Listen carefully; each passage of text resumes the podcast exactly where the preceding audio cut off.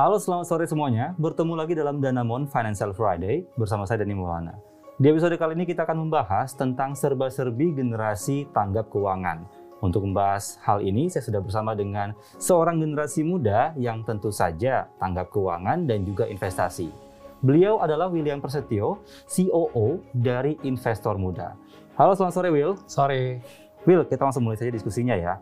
Ini kan generasi tanggap keuangan.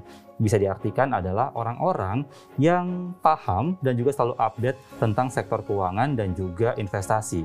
Nah, menurut Anda, ini seberapa pentingnya sih kita ini bisa menjadi bagian dari generasi tanggap keuangan? Nah, tentu saja sangat penting. Karena di zaman sekarang segala sesuatu punya konsekuensi keuangannya.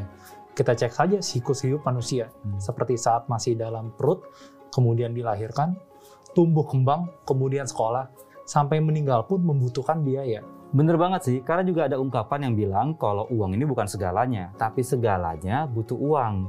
Nah, kalau kita sudah tahu pentingnya tanggap keuangan, lalu bagaimana sih caranya agar kita bisa seperti itu? Apa yang harus kita lakukan, Will? Oke, caranya adalah kita harus memiliki pengetahuan dan keterampilan dalam hal keuangan.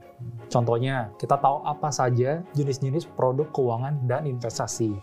Kemudian kita paham kegunaan dan karakteristik dari masing-masing produk tersebut. Hal yang perlu kita lakukan tentulah belajar dan cari tahu tentang produk keuangan. Nah, untuk di zaman digital seperti sekarang ini, kita bisa mengikuti influencer atau akun resmi yang rutin memberikan konten edukasi seputar keuangan personal. Contohnya seperti akun Bank Danamon ini yang rutin setiap Jumat mengangkat tema keuangan di Danamon Financial Friday. Kemudian apa ada hubungannya nggak sih antara tanggap keuangan dengan perencanaan keuangan atau financial planning? Nah, menurut saya jika seseorang sudah menjadi tanggap keuangan, maka mereka akan menerapkan perencanaan keuangan dalam kehidupannya. Contohnya, selalu mengatur dan mengalokasikan penghasilan, kemudian memiliki dana darurat untuk berjaga-jaga, sampai memulai berinvestasi untuk mencapai tujuan-tujuan keuangan di masa depan. Memangnya seperti apa sih keadaan pemahaman masyarakat saat ini tentang keuangan? Berdasarkan survei Otoritas Jasa Keuangan di tahun 2019 mengenai indeks literasi keuangan, angkanya sebesar 38,03 persen. Angka ini ada peningkatan dibandingkan survei serupa yang dilakukan pada tahun 2016 yang indeksnya di angka 29,7 persen. Nah, kita coba berandai-andai.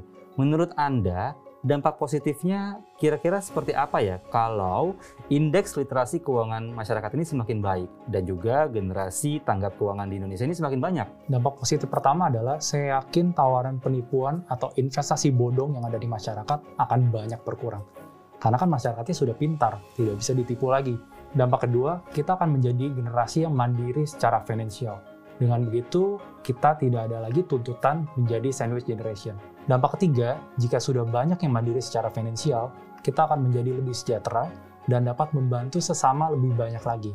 Wah, menarik sekali ya apa yang tadi sudah disampaikan oleh William. Jadi jika dirunut, ini dampak menjadi generasi tanggap keuangan ini begitu luas. Jadi sekarang pilihannya tergantung Anda. Apakah mau menjadi bagian dari generasi tanggap keuangan atau tetap menjadi bagian dari generasi yang gagap keuangan? Dengan ini kami pamit. Jangan lupa untuk subscribe dan juga nyalakan notifikasinya ya. Saya Dani Maulana. Saya William Prasetyo. Sampai jumpa di Danamon Financial Friday berikutnya. Terima, Terima kasih. kasih.